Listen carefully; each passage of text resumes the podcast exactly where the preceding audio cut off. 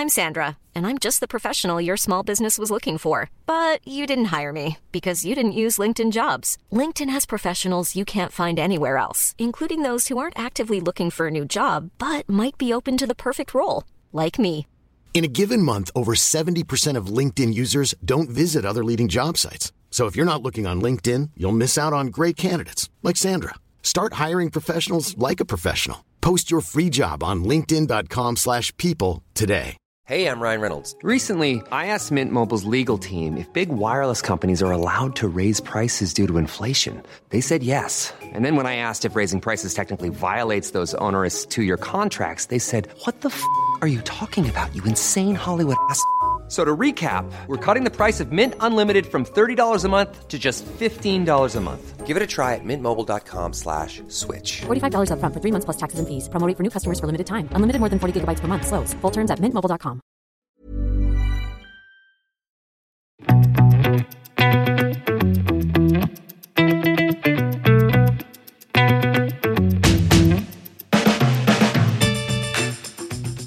velkommen til en splitter ny episode av Klokkelandslaget, din foretrukne podkast om klokker og slikt.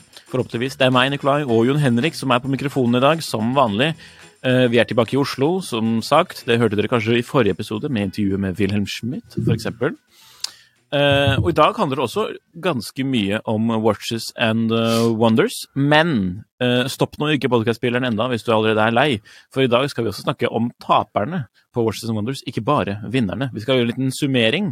Stemmer ikke det, Jon Henrik? Det skal vi gjøre. Litt uh, tilbakeblikk nå som vi har fått det på ja, i hvert fall litt på avstand. Litt på avstand, et par dager på avstand. Når vi spiller inn. Vi spiller jo inn i Ja. påsken for deres skyld. Det gjør vi. Så når dere kommer på arbeidet nå, på tirsdag morgen, så har dere da allerede oppsummert eh, Watches and Wonders og klar til å fortelle alle kollegene hva som er best og hva som er dårligst. Ja, hvis man har noe arbeid, da, og ikke bare er en sånn klokkeloffer som Klokkeloffer, ja. reiser rundt til de ulike butikkene og ser på klokker og nyter livet og hører Bare, på drikke, bare leve på klokkelandslaget med klokkelandslaget på øret. sjokolader. Toblerone. Ja. Toblerone tror jeg de, det stopper de å produsere i Sveits, by the way. Så det hørte jeg. Så det er dårlig. Som men, den men. eh, korrupte klokkejournalisten jeg er, så tok jeg jo mot en eh, stor eh, Toblerone i, eh, Nei i gave fra et klokkemerke. Uff a meg. Du må ikke si hva det er, for da kan vi ikke høre på deg.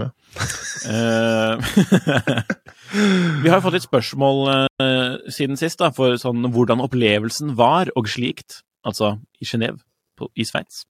Ja. Uh, Holmby spurte eksempel eh, i Tidssonens uh, i tråd, som alle må gå og slekke ut og sende inn spørsmål på også, by the way. Men fikk dere noen egentid til å bare nyte? spørsmålstegn. Mye å ta inn for en stakkars hjerne! utropstegn. Eh, det stemmer jo for så vidt, eh, at det var mye å gjøre. Og som jeg svarte i tråden, så var det jo jeg, jeg føler jeg fikk mest tid til å nyte det når jeg kom hjem. Er det lov å si? ja. Det mm, Ja, du har ikke lyst til å utdype noe mer rundt det?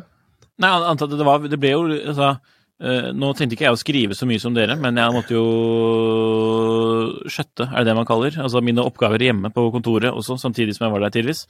Så det ble jo liksom Det var mye å gjøre. Og så Eller som hadde vi jeg og møter sa, med sånn 15 minutter i mellomrom. Eller som Jørgen sa eh, Minst å gjøre, mest masete? Nei da, jeg tøyser. Nei da, du var flink, Nikolai. Vi, hadde, vi koste oss fælt. Men det er eh, Men jeg tror nok egentlig alle som ikke har vært med på, hvert fall på den hva skal jeg si, pressesiden, eh, og i hvert fall når man jobber, jobber eh, digitalt og online, sånn som vi gjør For det er jo veldig forskjell på de som, eh, som du sier, kommer hjem, og det er da egentlig jobben starter, med å skrive. Um, og som ikke publiserer noe eller legger ut noe sånn særlig underveis. Um, det er et vanvittig trykk. Sånn uh, Fordi man vil jo helst prøve å få med seg alt mulig av merker, og prøve å besøke flest mulig. Uh, vi hadde vel rundt sånn 50 avtaler i løpet av de uh, fire dagene som vi var der. Uh, så klart ikke bare litt sånn varierende ting, da, altså om det var enkeltmøter eller gruppepresentasjoner eller diverse, men kanskje rundt 50, ja 40-50 da, um, aktiviteter. Um, messen åpner klokken ni, eller den åpner ikke ni, for den åpner tidligere, men uh, disse offisielle møtene begynner klokken ni, og det er som regel da liksom man begynner med å ha avtaler, og så stenger den klokken eh, Når stenger den egentlig? Mm, 20. Klokken 19, ja. 19 begynner de vel i hvert fall å prøve å jage folk ut. Men eh, de siste sånn offisielle møtene, prestasjonene, er vel klokken halv seks, tror jeg kanskje det siste er. Sånn cirka. Halv seks eller seks. Så det blir ofte litt tid. Man må passe på å få spist og legge inn noen pause, så man får um, Hydrere.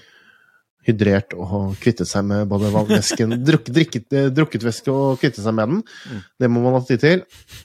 Og så er det vel litt løping, for nå har jo disse hallene også blitt større. Så det er ganske langt fra hva skal man si, fra Tag Hoier helt i den ene enden til uh, hva lå i den andre Blå. enden? Kanskje Lange, og Lange.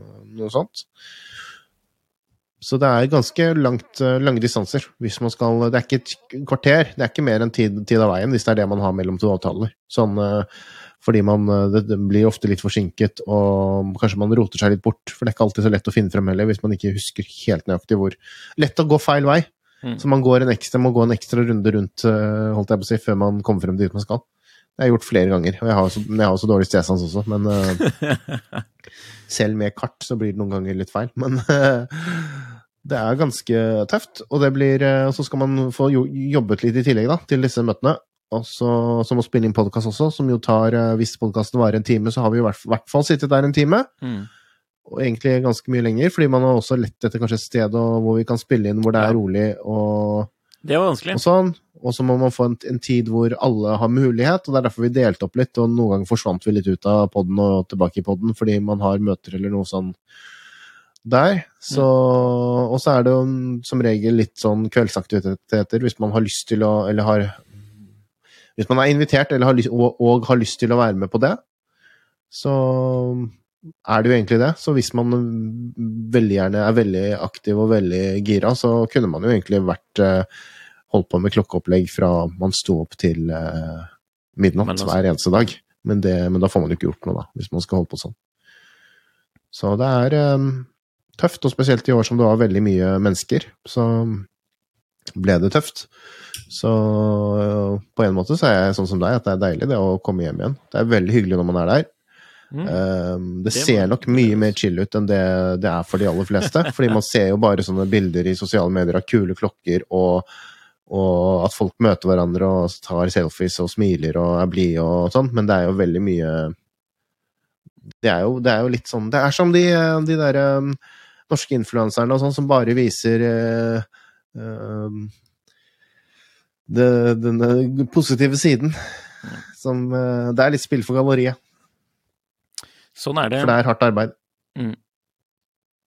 Det var kanskje svaret på det. Så det føler jeg kanskje var det. Så det var liksom Fikk man tid til å nyte? Spørsmålstegn. Da var svaret Ja. tja. Ja! Ja, jeg vil si tja, ja. Det var jo Det hadde vært gøy. veldig Når jeg pensjonerer meg en eller annen gang i fremtiden, så har jeg veldig lyst til å dra dit ned og bare være Bare drikke Drikke champagne og Det serveres jo champagne hvis man vil ha det. Eller vin.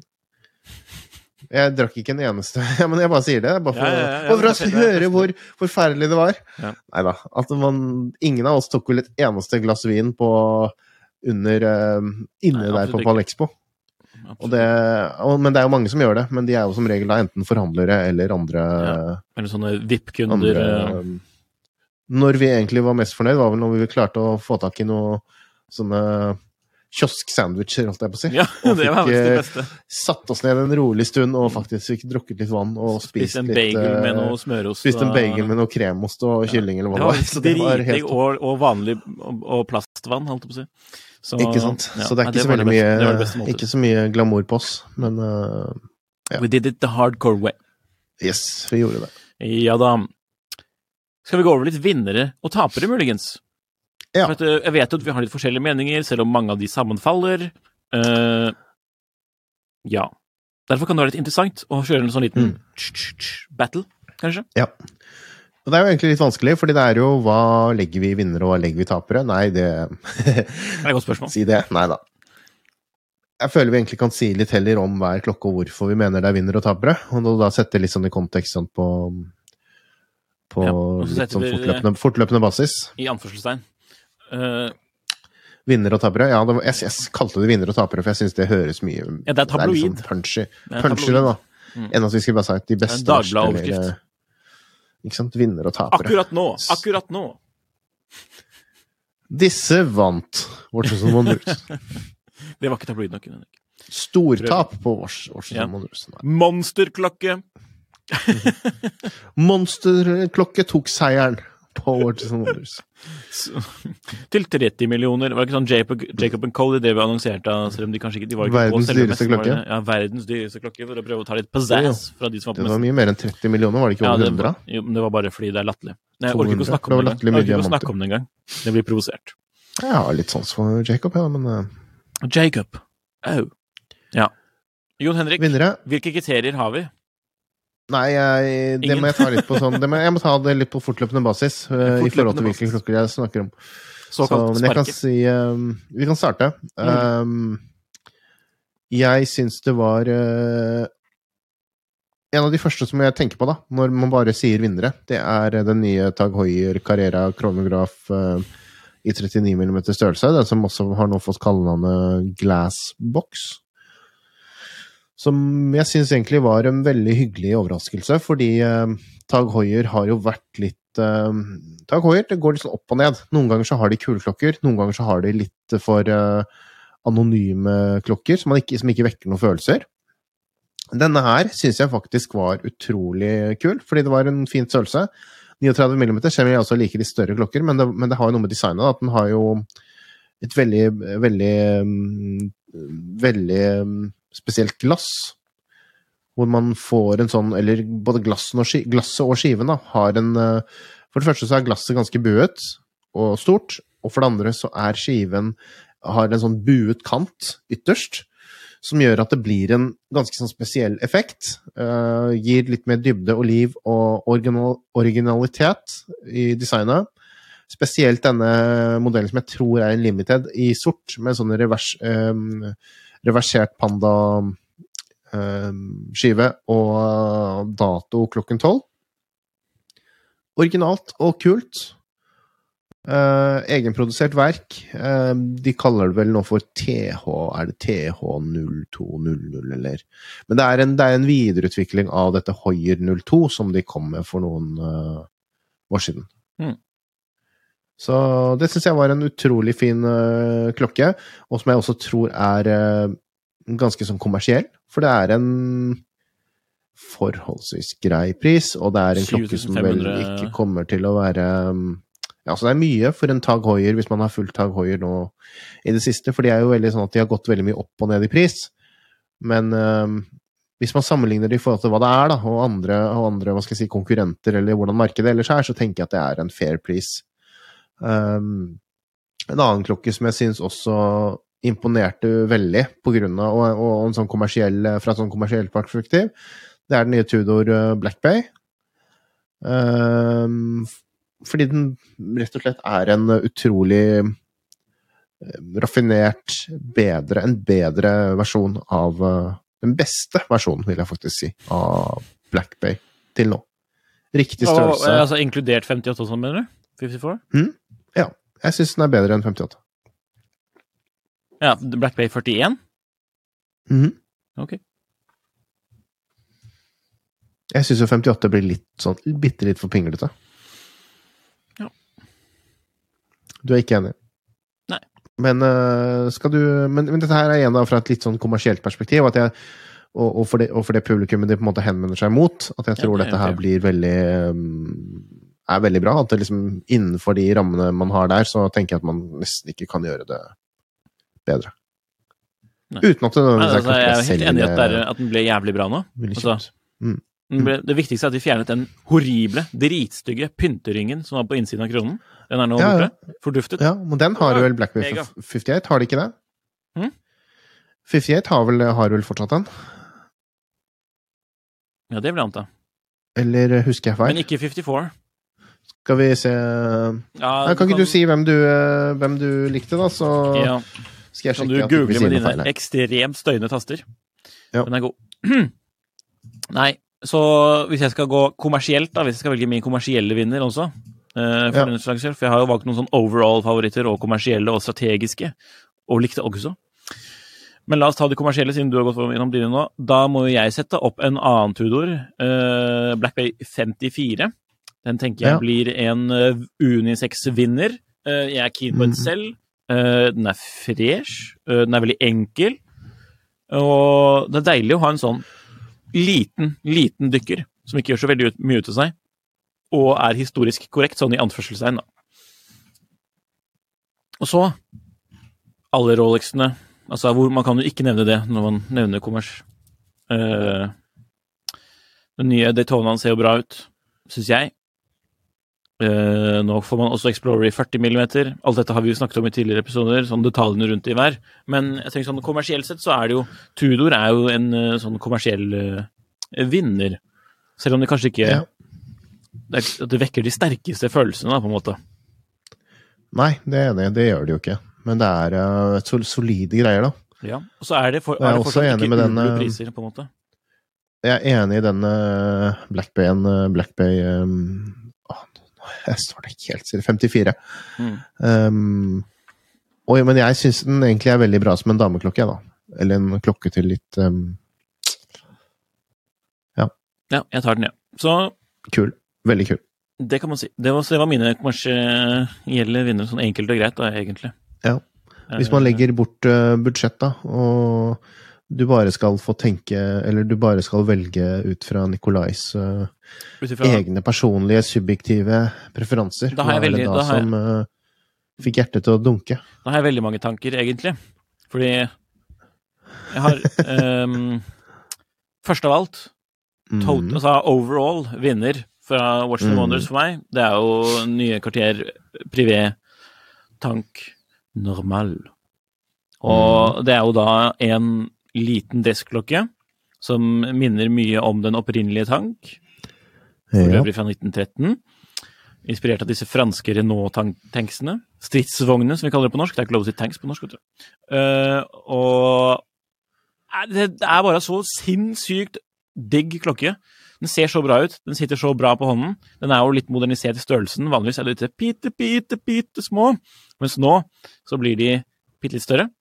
Og det Ja. sitter meget bra. Det er så- ser fortsatt lite ut, men det bare Det er liksom den derre uh, sofistikerte Cartier-looken som bare er total innertier. Ti av ti. Mm. Mm. Kan ikke klage i det hele tatt, Uh, annet enn på prisen, naturligvis, som da er 500 000 NOK, pluss Nei, det er 50 000 Sveits og franc, og pluss tax, ikke sant, så du er jo fort oppe på nærmere 800 000 for å sitte på med den på hånda hjemme. Det er jo da 50 000 naturligvis- sveitserfranc. Ja, se det. Jeg syns det var 500 000 sveitserfranc. Nei, okay, det kan godt hende at jeg sa, men da mente jeg ikke det. Eh, takk for at du retter. Um, på lenke, da, så de kommer du bare 100 Mm. Og det er den kuleste. Og det er den Eh, kuleste, I platinum, platina, ja. Mm. Gull er også faktisk meget pent. Eh, Det var kun den jeg fikk se, dessverre, fordi den platina-versjonen var så populær på, på Men kommer gull også med lenke, eller? Ja. 100 per stykk. Ok. 100 eksemplarer. Så Ja. det er jo helt umulig å få tak i. Men også er det jo veldig Mm. uh, Det er jo håndopptrukket uh, urverk, og det er jo nice. Det er jo fra Le Temps uh, fabrikken som Cartier eier. Har ikke så forstå. Eh, det heter kaliberet heter 070, men jeg har ikke greid å finne noe info om det, rett og slett. eh, på det store internett. Det er jo sånn superlite eh, manuelt eh, opptrukket urverk. Det er ikke så mange som produserer mm. det nå lenger. Så jeg tror rett og slett bare det er sjeldne greier. Um, så det er jo min overall vinner fra messen, da. Men når pris ikke er noen hindring, for den er jo latterlig dyr. Og den kommer Mm. ikke i noe stål, fordi den er privé-kolleksjon. Der er det jo bare limitert og uh, edelt. Ja. Uh, og det syns jeg egentlig er litt sånn øh, Vekk med dem. Ja. Kan du ikke bare lage en sånn sinnssykt bra klokke som er uh, innafor prismessig? Men så skjønner jeg at det skal være Cartier og eksklusivt og bla, bla, bla, og så da skal man heller gå til tank, eh, eh, altså solo og sånn for å få råd til det. Men altså, åh, hvorfor? Mm. Så da kan man heller gå til tank eh, amerikaine, holdt jeg på å si, Amerika. i stor versjon, som nå er 1 millimeter tynnere, mer kurvet. Eh, de dropper medium size, da, så de er bare mini og small og large nå. Og i large så Mhm. får du uh, ordentlig urverk, om man kan kalle det ikke kvarts. Mm. Uh, og den er fortsatt sånn der priset rundt Åh, nå har jeg glemt prisen. Men den er sånn, det er i hvert fall vel under 100 i stål. Okay. Så den er jo litt mer approachable og ser fortsatt dritbra ut. Du får mye Altså, den er Den looken, uff, uslåelig. Uh, så det er også en favoritt, men ikke sånn der som sto seg ut sånn sinnssykt, for det var jo allerede en bra klokke. Bra klokke. Nå ble den bare litt mer mm. kurvet og tynnere. Ja. Utover det Hermes H08 i nye komposittmaterialer. Det snakket jeg jo litt om i oppsummeringen av dag nummer tre, tror jeg. Uh. Med freshe farger eh, og Ja, det var meget bra. Til 70 og noe tusen, om jeg ikke husker helt feil. Mm. Men så kommer vi da til den store ambivalensen. IWC Ingeniør 40 Automatic. Ja. Og den store ambivalensen her, den ligger jo i det faktum at på plussiden. At det er så sinnssykt digg Altså fresh klokke. Mm -hmm. Gjennomført. Bra. Og så vet du det at titanversjonen, som for øvrig er den feteste, den koster jo da 16.900 euro, ikke sant? Så på norsk så blir jo det rett under 200 000. Mm. Og det er innenfor kategorien latterlig. Ja, det er jo dyrere enn Yachtmaster eh, i titan. Ja, og det er innenfor kategorien latterlig. Og fordi man må jo tenke liksom hva som er, er på, er på innsiden også. Periscope påpekte jo for øvrig også dette. At uh, urverket da, som er på innsiden av den her, 3211 Ja. Det er jo basert på 3210. Hva får man da i forhold til ETA 2892, som er uh, arkitekturen basert på? Jo, men det er ikke Nei, det, tror jeg ikke stemmer. Hæ? Det tror jeg ikke stemmer. Det tror jeg Eller altså kan, Man kan kanskje si at det stemmer, men jeg tror det egentlig er denne um, Jeg vet at det er Valflurier. Jeg vet at det er det. Valfleurie Ja, men arkitekturen er jo Jeg eh, vet det, det er jo, det er jo Valflurier som produserer urverket. Patenter har utløpt, man Ja, ja. lager kanskje noe selv, men man kan ikke si at det er det samme som eh, ETA Nei da, det, det kommer jeg til også, da. Bomatic Men man kan si det er det samme som, det sitter, som sitter i um, Riviera, som jo han uh, Perez kanskje det er tok frem, var det ikke det? Altså, som er veldig mye billigere fra Bommys side. Som, og det er jo en sånn vi har snakket, Jeg tror vi har nevnt det litt tidligere òg, ja, at det at Bommys side har dette Bomatic-verket med fem dagers gangreserve som Mm. blir brukt av Panerai, og det blir brukt av IWC, og til da tre-fire ganger prisen, ikke sant? Så, Mm. og så, og sånne Så det, sånn sett, så se, fra utsiden så ser det jo litt sånn at det, det, kan- det kan jo, Man kan jo synes at det ser litt rart ut. Mm. Om at man kan si sånn at det får ikke så veldig mye. Men altså, åh, totalpakke på den ingeniør, altså, jeg bare Den er så fet. Altså, urverket, det er jo ikke noe å si sånn, sånn så, altså eh, altså, Det er, ikke, nei, det er et bra urverk. Et Det er et bra urverk. Det er bare at man Det er bare problemet med det er jo det at- Man kan få stor likhet i rimeligere klokker. Det er litt som uh, Ublå Big Bang med 7750, når det kom. At Ja. det var Det er jo ikke noe feil med det verket heller. Og det er ikke noe feil altså, når det, IWC brukte det heller. Det er jo ikke noe feil med verket. Nei. Men det er bare det at man kanskje forventer noe annet når man har uh, Men i tilfelle med IWC og dette Wolfloria-verket, så tenker jeg jo det at det er et veldig bra Ja, er verk, det er, men det er en litt rar Det er en litt rar um, greie der, at det på en måte dukket opp hos BOM først. For da Mm. vil det alltid på en måte være BOM-verket som brukes av IWC, og ikke, IWC, og ikke BOM som bruker IWC-verket. Ja. Det ble jo også designet sånn gjennom Gjennom et samarbeid mellom BOM og Val Valforie, i hvert fall det som, som det ble pitchet inn for en del år siden når de presenterte det. Så det er, det er litt sånn snodig Ja, sånn Ikke sånn PR, PR, PR eh, Tradecraft. Dårlig tradecraft. Man skal si fem dager power reserve, da. Meget innafor. Altså Ja. altså, i hvert fall Absolutt. de Hvis det, er det hos, hvis det er det på IWC også, da? Er det det? Ja. Har du sjekket det? At det er fem dager? Ja, 3-2 For, for når har... Panerai bruker det, så er det bare mm, Ja, men det er fordi jeg tror de bruker fem en mindre en eh, mindre grade, eh, nærmest. Altså. For det, det her er Det er 72 timer. Ja. Nå er matten min dritdårlig, da. Åh, ja, men ja. 72 timer. Det blir jo bare mm, Jeg vet det. Jeg ser det nå. Ser tre det nå. dager. Så dette er jo litt rart. Nei, fordi ah, ah, ah, ah. Eh, Står det 72 timer på den? På Ja, på? Watchbase. Ja, men så står det hva det er basert på? Hva mener du? Ja, hva står det hva verket er basert på? Står det noe mer om verket Altså, er, altså ja, på, hvis, man, hvis man trykker inn på den klokken her da, på Watchbase, som Ja. er en bra kilde, tydeligvis. Eh, Så står det at det er Ikke basert på- alltid helt pålitelig, men Nei. Men så står det at det er basert Altså movement, IWC kaliber Mm. 32111. Da klikker jeg meg inn på den, og da står det based on 32110. ok. Og så klikker jeg på det, da står det at det er basert på ETA 2892A21. Men i hvert fall okay. arkitekturen, da, utgått patentet. Ja. Men fordi, jeg mener jo at det var fem dagers power reserve på noen av de der tre, to Men på På av de som ble brukt av eh, Ja, på noen av de IWC-urverkene. At det var fem døgn. Men eh, det kan hende at det er modifisert da, for Vi får finne ut eh, Ja, vi kan ikke sitte her og google nå, liksom. Men uh... Nei, det kan vi ikke. Uh, det var uproft, altså. Men uh, like så fremt Jeg tror Jeg tror jeg har hørt noe Altså, om nå- det at Nå dobbeltsjekket jeg hos Houdinki, oh, ja. og jeg sa at det er 120 timer power reserve. Så da var det jo fem døgn. På, på ingeniøren? Mm. Ok. Det er fem dager. Mm.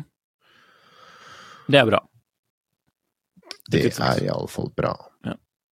Det betyr altså at du kan Nå- legge fra deg klokka i fem døgn og ta den opp uten å måtte stille igjen. Ja, ja. Men uh, Har du så- flere vinnere? Ja, Skal vi gå litt videre? LUC, som nå kommer tilbake. igjen, Mm, mm. Med denne flotte 1860? lakseskiven. Yes. Altså den uh, Yes, ja, mm, yes. 36 millimeter. Dressklokken. Nice. Mm. Rett og slett nice. Rett og slett nice. Ikke noe å si på det. Eh, Prisen, hva var det? Sånn 160 eller noe sånt? Uh... 1000? nei nå, Jeg husket ikke hva den var nå. Ja, nei, jeg, jeg vet faktisk ikke prisen på det. Men, jeg tror men den var to be decided, for å være helt ærlig. ja. Var det uh... gull? Eller stål? Nei, se her. Her, kom, her er prisen. Det står Ja. uh, 23 000 dollar. Ja, for det er hvitt gull. Ja. Det er jo gull disse har kommet til tidligere også, da. Jeg bare Ja, det på skal jo det være litt sånn stål, hvis du sa at prisen var så mye lavere, men eh, 200 og, ja, det blir jo godt over 250 000 her. Uh, Ja, for det er sånn Nei, men det, det vet jeg. Beklager. Altså Urkassen er laget av dette nye Lucent Steel. på Chopin? LUC? Ja Jaha, ok. Ifølge Time and Tide. Så Ja. da er det jo faktisk eh, Da er det jo ikke gull. Det står Nei. stainless steel, gitt. Så, Ja. som er den Lucent uh, Og prisen var 23 000? Ja, det er jo litt luftig. Nei. Ikke sånn Du får jo meget, meget flott eh, microrotor-urverk, og jeg For denne modellen har jo allerede nå begynt å bli en sånn ikon. Ja, på en det er måte. ikon. Ja. Sånn neo-vintage-ikon. Så, jeg heller synes 230 egentlig- på den her, 230 000, eller pluss, pluss, pluss, da, enn eh, 360 for uh, den nye Patek Filippe Calatrava Patek Filippe Calatrava med sånn karbontullskive. Absolutt.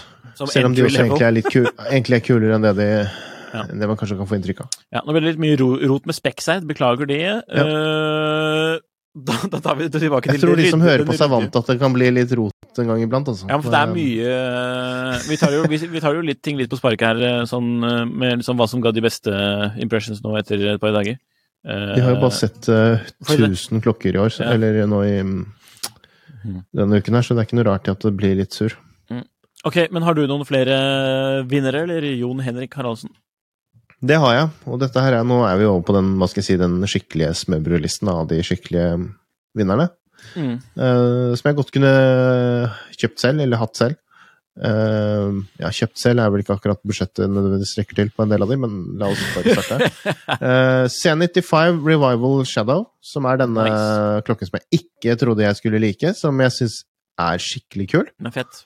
Vi har snakket om den litt i en tidligere pod, eh, for det er jo denne gjenskapningen av denne klokken fra ja, er den fra 69, tro.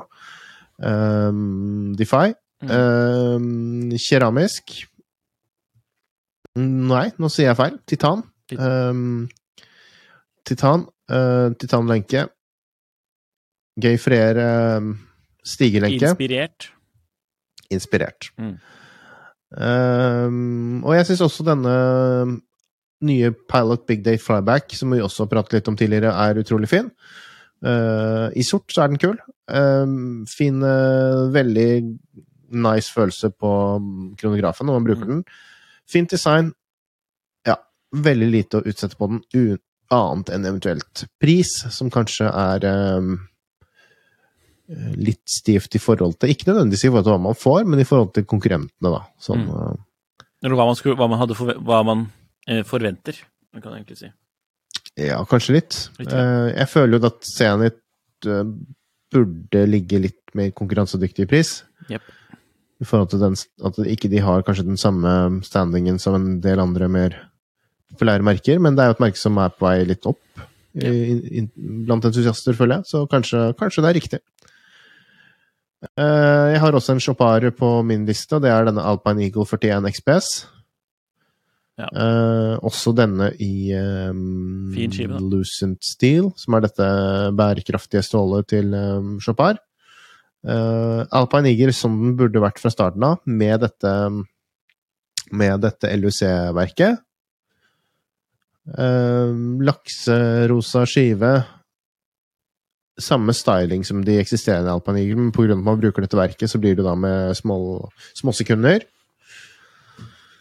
Ja, bare en utrolig kul, eh, fin eh, klokke, og en som eh, ja, er en av de mer interessante valgene da i Spesielt nå når, når den har fått dette verket, da. En av de mer interessante valgene når det gjelder luksuriøse sportsklokker med integrert lenke. Jeg har også en av originalene, for å kalle det det. Vacheron Constantin Overseas Moonface Retrograde Dates, som jeg syns var utrolig fin. Um, klassisk uh, Vacheron-komplikasjon, men nå i en overseas-pakke. Uh, den blå skiven vet jeg mange digger. Personlig så ville jeg nok heller hatt den i ja, kanskje sølvfarget eller sort, hvis jeg kunne mm, Sort- hatt De muligheten til sorte skivene på de er jo meget pene. Altså på vanlig overseas. Uh, kul komplikasjon. Uh, gir et litt annet uttrykk på, på disse overseas-modellene, og kanskje egentlig en- av de få overseasene jeg syns er virkelig kule. Uh, og blir vel helt sikkert helt umulig å få tak i. Det er jo også en butikk-eksklusiv, da. Hmm.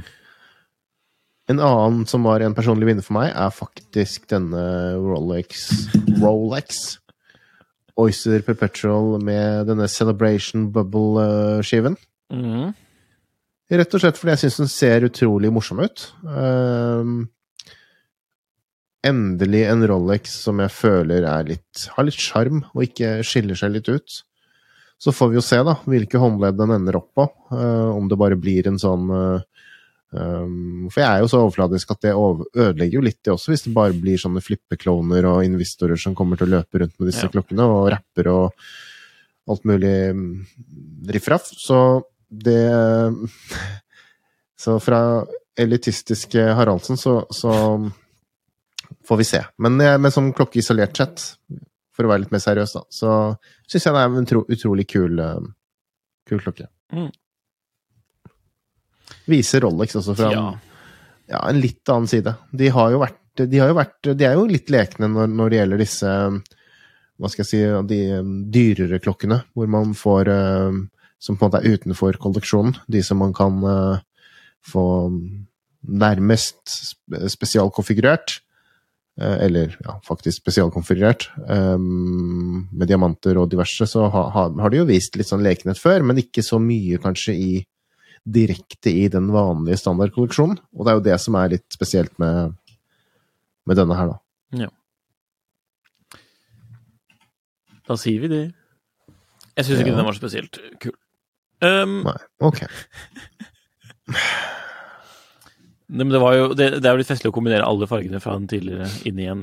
sånn, Ja, jeg synes det. Sånn, sånn Men det er ikke bare det at de gjør det, men jeg syns det, jeg synes det ble veldig sånn estetisk fint. All right. Da har vi jo Ah, jeg har faktisk et par vinnere til, jeg. Ja, har du det? Eh, For jeg kan nevne de bare raskt før vi går over på det motsatte. Gjør det. Strategisk vinner. Dere har lyst til å bare påpeke Oris Pro Pilot X Kermit. Vi har jo snakket om den i tidligere episode, naturligvis, som alle disse klokkene. Gå tilbake og lytt. Ja. Men der tenkte jeg bare, sånn i ettertid, tenkte jeg sånn Hm, ikke så mange som kommer til å kjøpe den, men eh, Nei, kanskje litt Ja, Eh, men den har Jeg fall tror det er mange som kommer til å kjøpe den, jeg, da. Men, Ja, eh, men ikke sånn, ikke sånn om mange, mange. Men Jo, jeg tror det. Men deg okay. om det. Ok, men jeg tenkte i hvert fall at det ville i hvert fall få folk til å få litt mer øynene opp for ProPilot X som klokke i seg selv, som modell. Mm. Mm. At det kanskje var en litt sånn strategisk greie, med at det ble mye sånn pju, fokus på den. For den koster jo Mm. rundt sånn 50 000, ikke sant? Eller eh, Ja. Det er jo litt sånn romslig pris. Mener det. Mener Ja. det. Så Ja, det var det. Og så likte jeg også Patek eh, Philippe Calatrava med 24-timers display på eller er sånn 24 hour display travel time, ref 5224R. Mm. Og så kom det en ny, flott, deilig monopusher fra Minerva slash Montblanc. Uten urskive, holdt på å si. Så veldig mer sånn skeletonisert urskive. Det var veldig fresh, faktisk. I sort. Ja. Nice. Mont hadde, hadde flere kule av de der, liksom. Ja, av de der, ja. Men det kommer vi tilbake til. det er alltid kult. Det er alltid kult. Alltid kult. Alltid kult. De vet å lage kronografurverk Minerva. Folkene der. Mm. Ok, Mm. da er vi på tapere med Bold. Ja. Skal jeg starte? Ja, Jon Henrik. Og nå kommer Jørgen til å vri seg i sol, solen her, sånn, fordi jeg syns jo Rigel Coult er en av taperne. Ja. Fordi, og jeg skal fortelle deg hvorfor, fordi det var eh, veldig mye satsing på Reverso, Ja. som er en sånn ikonisk klokke som selger jevnt, og som fungerer jevnt, men som aldri kommer til å ta helt av, fordi den er rektangulær.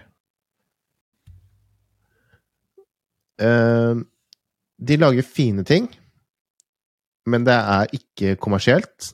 Mm. Det er eh, Og det er ikke Jeg tenker at det vi så i dag, da, eller i, i år det er, Jeg vet mange har trukket frem denne kronografen, reversokronografen reverso-kronografen. Jeg vet eh, blant annet Jørgen har den som en av sine favoritter fra.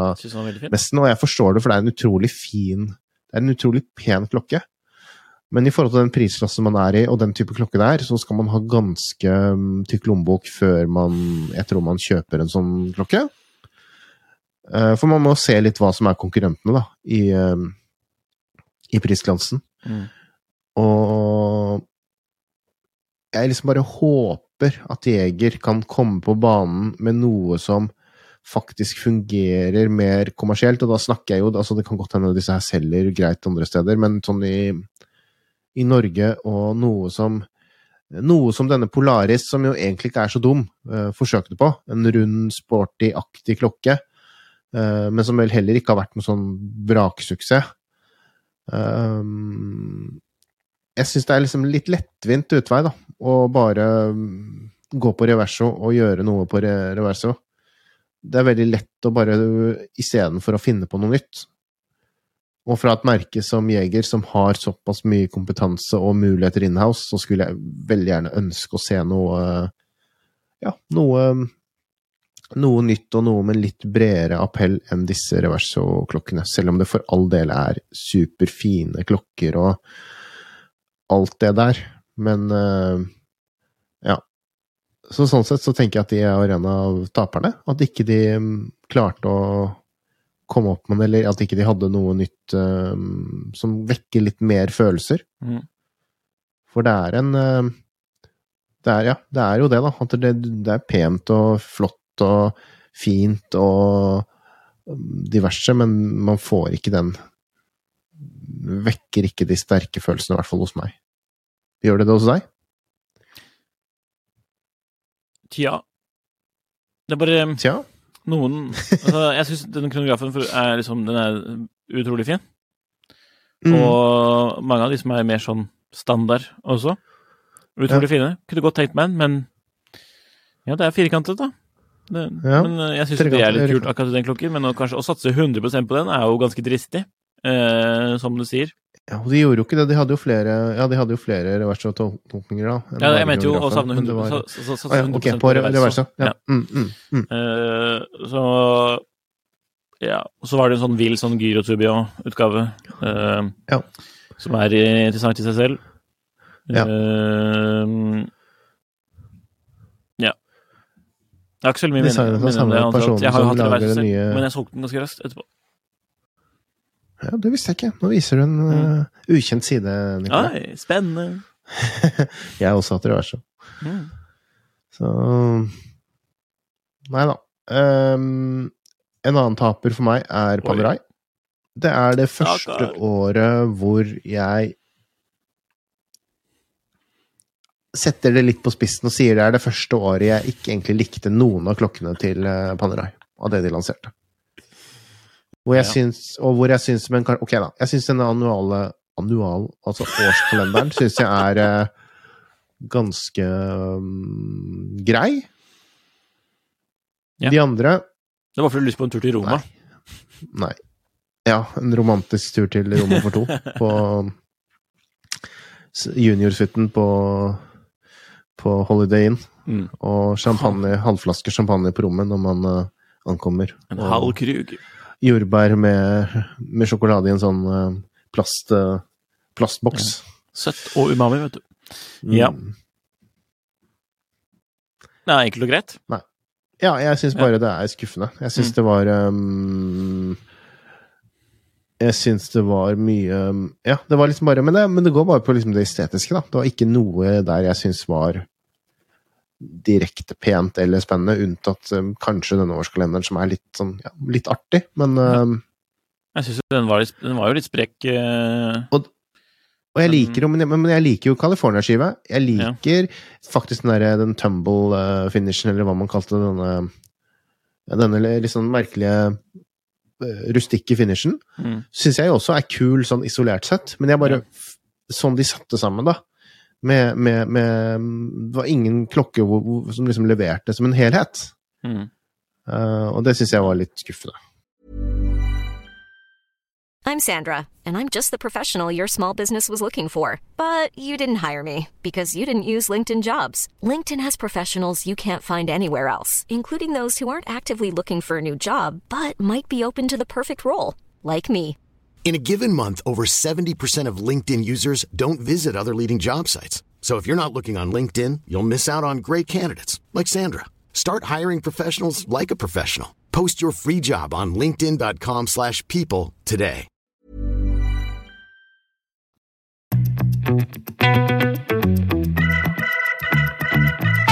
Dine tapere? Ja. Jeg syns det er litt leit å måtte si dette, for at, eh, vanligvis så er jeg jo fan, Ja. men Piaget ja. Jeg syns du tuller seg helt bort i denne polokolleksjonen, som egentlig er litt daff. Ja. Uh, hvorfor, hvorfor kan de ikke bare fortsette på De hadde jo en killer med Altiplano, som liksom på sitt tidspunkt var verdens tynneste klokke. ja. Uh, mekaniske klokke du kunne ha på håndleddet. Um, Mm. Hvorfor uh, Den virker jo Altså, man ser jo ikke den noe sted. Den kunne jo vært sett mange steder. Den er jo dritfet. Ja. Og de Ja. har masse, masse bra i arkivet. For eksempel disse, disse stepcase-kassene som, liksom som liksom ser ut som bunnen av en pyramide. Eh, Store sånne TV-urkasser. Mm. Men så er det istedenfor denne polo-greia, og de prøver på seg på denne samme greia som alle, da, med denne integrert lenke i blå urskive 5711-style-opplegget. For det, det har funket for mange å finne den, den klokken, den hjørnesteinsklokken, altså, som kan selge dritmye. Som for eksempel har funket for, eh, for eh, Bom med Riviera. Og som har funket for eh, Det var et annet merke vi snakket med som hadde virkelig forstått hvor viktig den type klokke var for dem. Pokker, nå står det stille for meg. Uh, ja, men uansett uh, Så Piaget, why? Mm. Men i damekolleksjonen så kom det masse kult.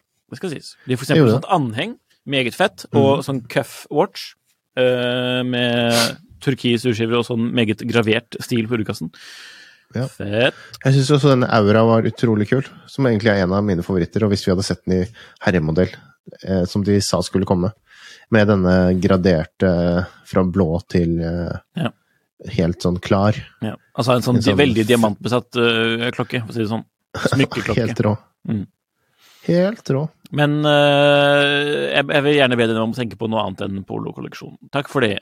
Eh, og så var det Mont Blanc, som jeg syns uh, det ble litt vel mye sånn historiefortelling.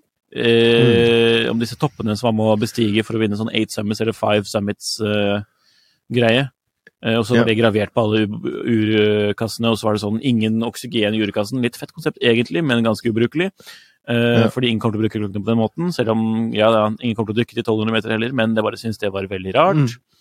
Eh, grått og kjedelig generelt på kolleksjonen. Beklager å være så ærlig, Montblanc, men, men. Og det er jo som du pleier å kritisere noen klokkemerker for, Jon Henrik, f.eks. norske klokkemerker som du har hatt en liten rant på tidligere, hvor det blir litt for mye historiefortelling. Jeg syns det ble litt for mye historiefortelling Ja. denne gangen. Absolutt. Helt enig. Det, og, det, og det er unødvendig også. Fordi Totalt jeg unødvendig. syns jo jeg syns jo eksempel at den 1858-kolleksjonen og den, de dykkerklokkene det som er der, Mm. er egentlig ganske gode produkter sånn produktmessig, hvis man ser på ok. kvaliteten Mm. og, og sånn, og prismessig og, og sånn, så er det egentlig ganske bra yep. Eller det er ikke egentlig, det er bra saker, men så får man denne cheesy historiefortellingen rundt, at absolutt alt skal bli liksom å og, og, og det, det, det, Ja. det, gjør nesten produktet at det føles litt billig, eh, at det føles billig, da. At man ikke klarer å For normalt, når man bruker sånne historier, så er det jo for å dekke over det faktum at produktet er ganske ræva. Ja. Men eh, her så er jo produktet bra, Mm. men det er bare at man har, må har da rotet seg bort i en retning hvor man må, føler man må fortelle en eller annen uh, historie til, til disse klokkene. Stopp med det. Men jeg vil si én ting. er, For helt ærlig. Når de selger de klokkene. Mm, eller kanskje de vet at det ikke er ok, vi som hende. vet. Who knows? Men, eh, det, men jeg syns vi skal ha skryt for én ting. Og selv om det igjen er Og nå sier jeg litt mot meg selv, for selv om det var cheesy og det er historiefortelling, med denne spesialboksen som vi, man kunne kjøpe det bokssettet med tre 1858-klokker, Ja. som var formet som disse fjelle fjellkjeden i sånn uh, Sett fra forskjellige eh, eh, sider. Tredimensjonal boks. Den syns jeg var helt rå. Ja. Jeg kunne gjerne eh, kjøpt bare boksen. Bare boksen. Den er god. den er god. Det minner meg på den dagen eh, den gangen jeg var på markedet i Genéve og ikke kjøpte en Nautilus-boks i kork. Å, herregud. Som du kunne ja. lagre etter longinen din i. Kunne investert i det. Nei da. Ja. Eh, vi trenger jo ikke noe wristcheck i dag. Finansiert hele, Henrik. hele studien, studien din, holdt jeg på å si. Studiet Ja. ditt. Med Nå er vi ferdig med sånn vinner og tappere fra Watches and Wonders. Mm -hmm. uh, apropos gamle klokker. Dobbeltkrone på meg i dag, og du har vel på Speak Mer. Ja, Vi trenger ikke å gjøre noen store poeng ut av det. Vi har snakket om det mange ganger i poden tidligere. Men jeg tror vi avslutter med et Jon Henriks hjørne i dag. Eller har du noe mer du ville sagt Ja. om Watches and Wonders før vi går videre? Nei, bare kjør på med hjørnet. Spørsmålet er fra Jon Sigans på Tidssonen-forumet i Klokkelandslaget Tråden, forhåpentligvis. Hva var Watches and Wonders største skuffelse, Jon Henrik?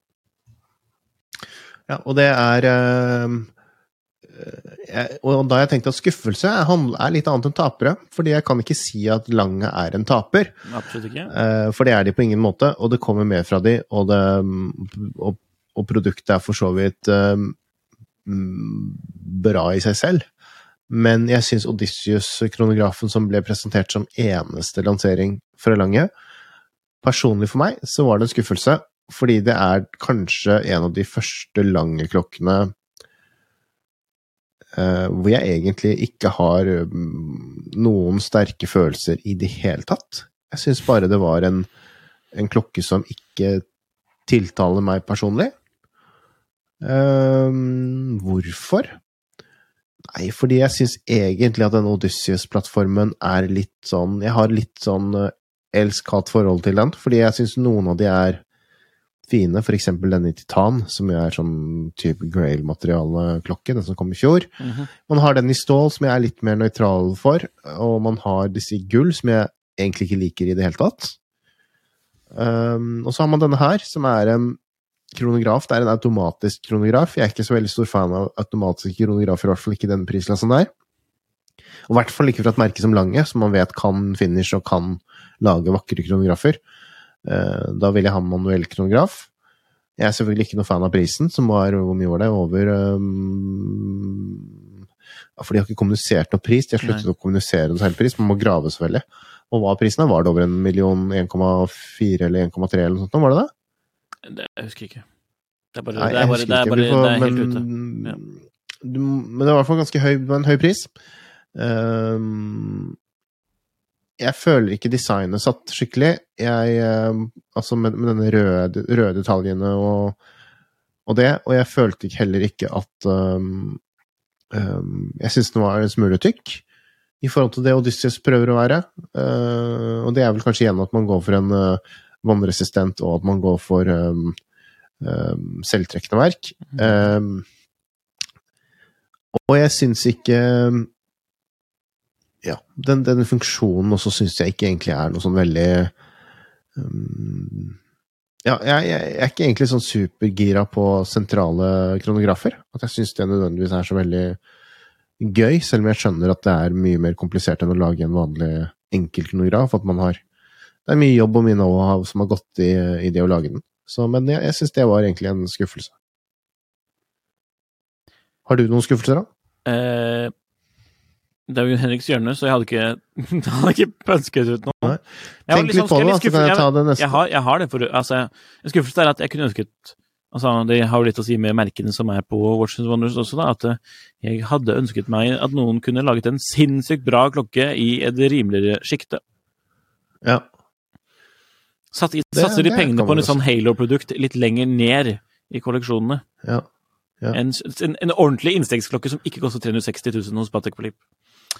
Ja, Innstegsklokkene på Washington Wonders var vel for så vidt um, Fredrik Constant, som har det um, Alpina, muligens. Altså Alpina ja. Fredrik Constant. Men der så jeg ikke noe som var spesielt interessant, for å være helt ærlig. Og så var det vel Montblanc og, og Montblanc og Fredrik Constant. Ja. Alpina.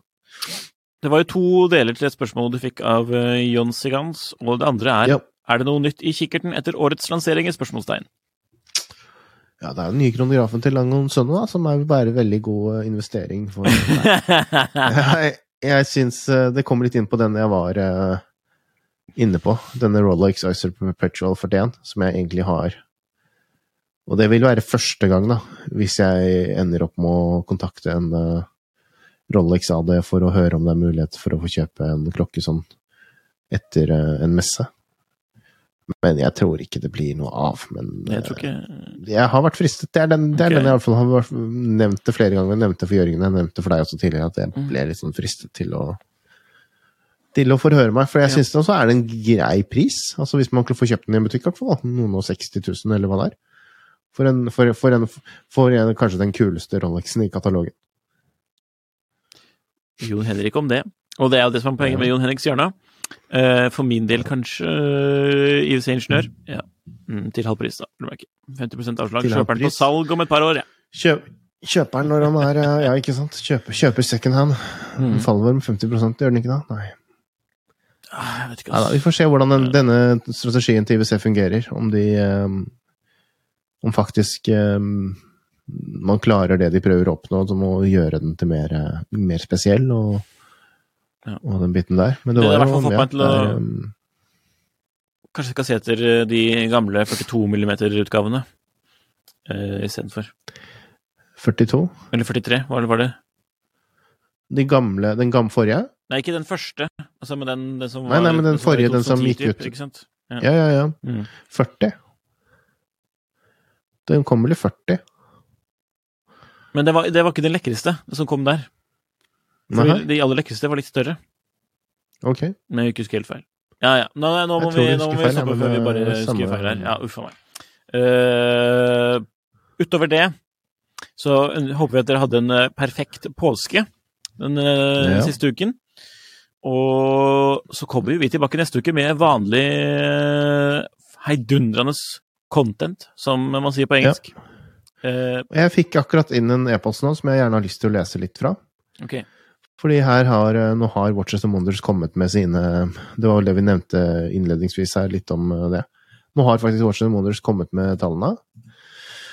Og det var litt lavere enn det jeg sa, da. Men uh, det var 43 000 unike visitors. Rekordtall. Mot uh, 22 000 i fjor. Oi, dæven.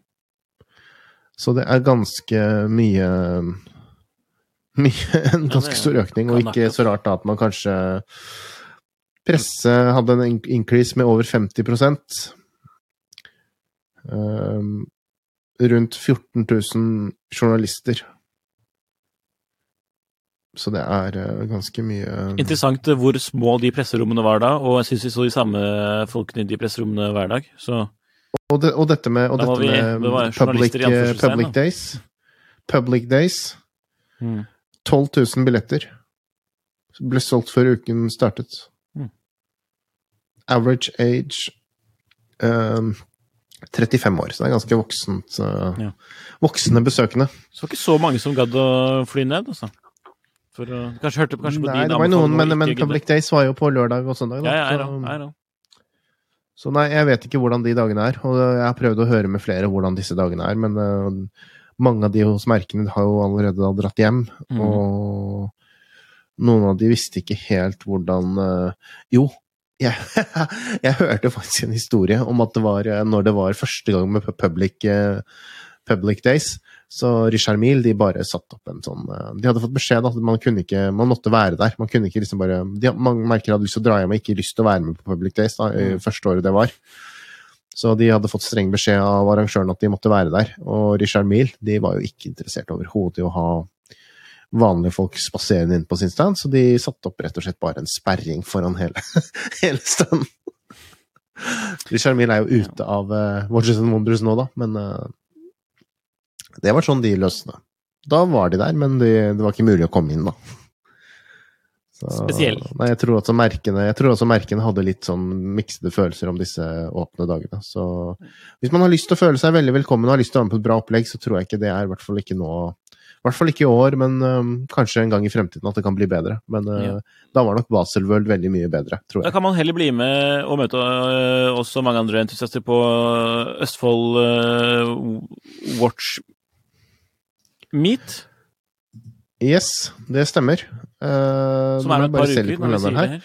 Nei, den er ikke, det er ikke om et par uker, for det er faktisk til helgen når denne Ja, episoden helgen. går. øh, Dæven døtte.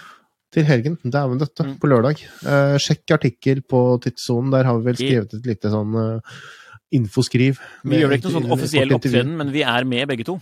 Uh, Det er vi. vi er, det er jo i hjembyen. Litt i poden etterpå, kanskje. Så da er det Ja, Kan det du hvis du har lyst til å møte en Nikolai utenfor kontortid?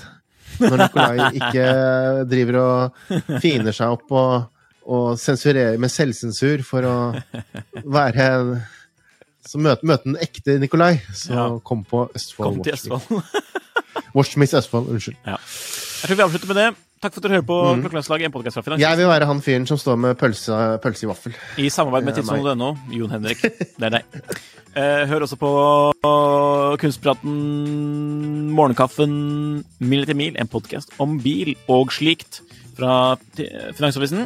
Og så ønsker vi at dere går inn på tidssonen.no, leser et par artikler, kanskje registrerer dere på forumet hvis dere ikke har gjort det allerede. Bli med og diskutere i Klokkelandslaget-tråden, eller andre tråder som finnes der. Kjøp og salg, f.eks. Mest spennende. Ok, takk for at dere hører på. Hei og hå.